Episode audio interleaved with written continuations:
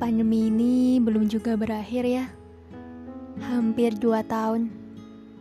Kabar-kabar duka mulai terdengar dari orang terdekat kita. Kabar yang amat menyesakan dan menyedihkan. Ya memang ya, mau gak mau, terima gak terima, semesta ini milik kita bersama. Dan gak semuanya bisa kita kuasai. Sehingga hal ini menjadikan kita tidak bisa berbuat semaunya. Sebab kadang ada takdir yang di luar rencana kita atau sesuai dengan keinginannya kita.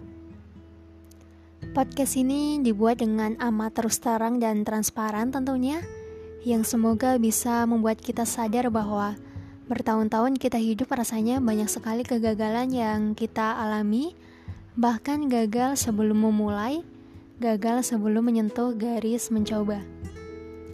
Amat lucu ya, Sering punya harapan, namun hanya tersimpan dalam imajinasi, terus lama-lama membodohi diri sendiri.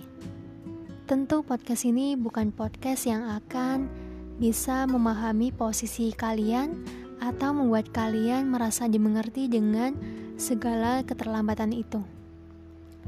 Karena memang ada kalanya kita perlu mengakui kegagalan-kegagalan kita, mengakui keterlambatan-keterlambatan kita, sebab amat penting bagi kita untuk refleksi dengan logika dan kesadaran penuh akan diri kita sendiri.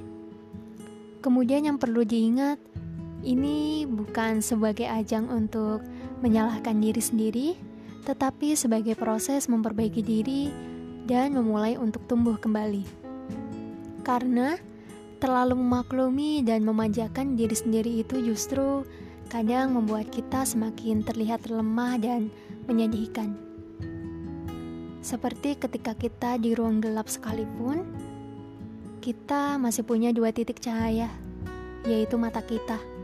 Jadi, tetap semangat cari cahaya itu, tetap semangat untuk bersinar, karena gak ada yang gak mungkin, dan cari cahaya yang bisa membuat kita semakin merasa terlindungi.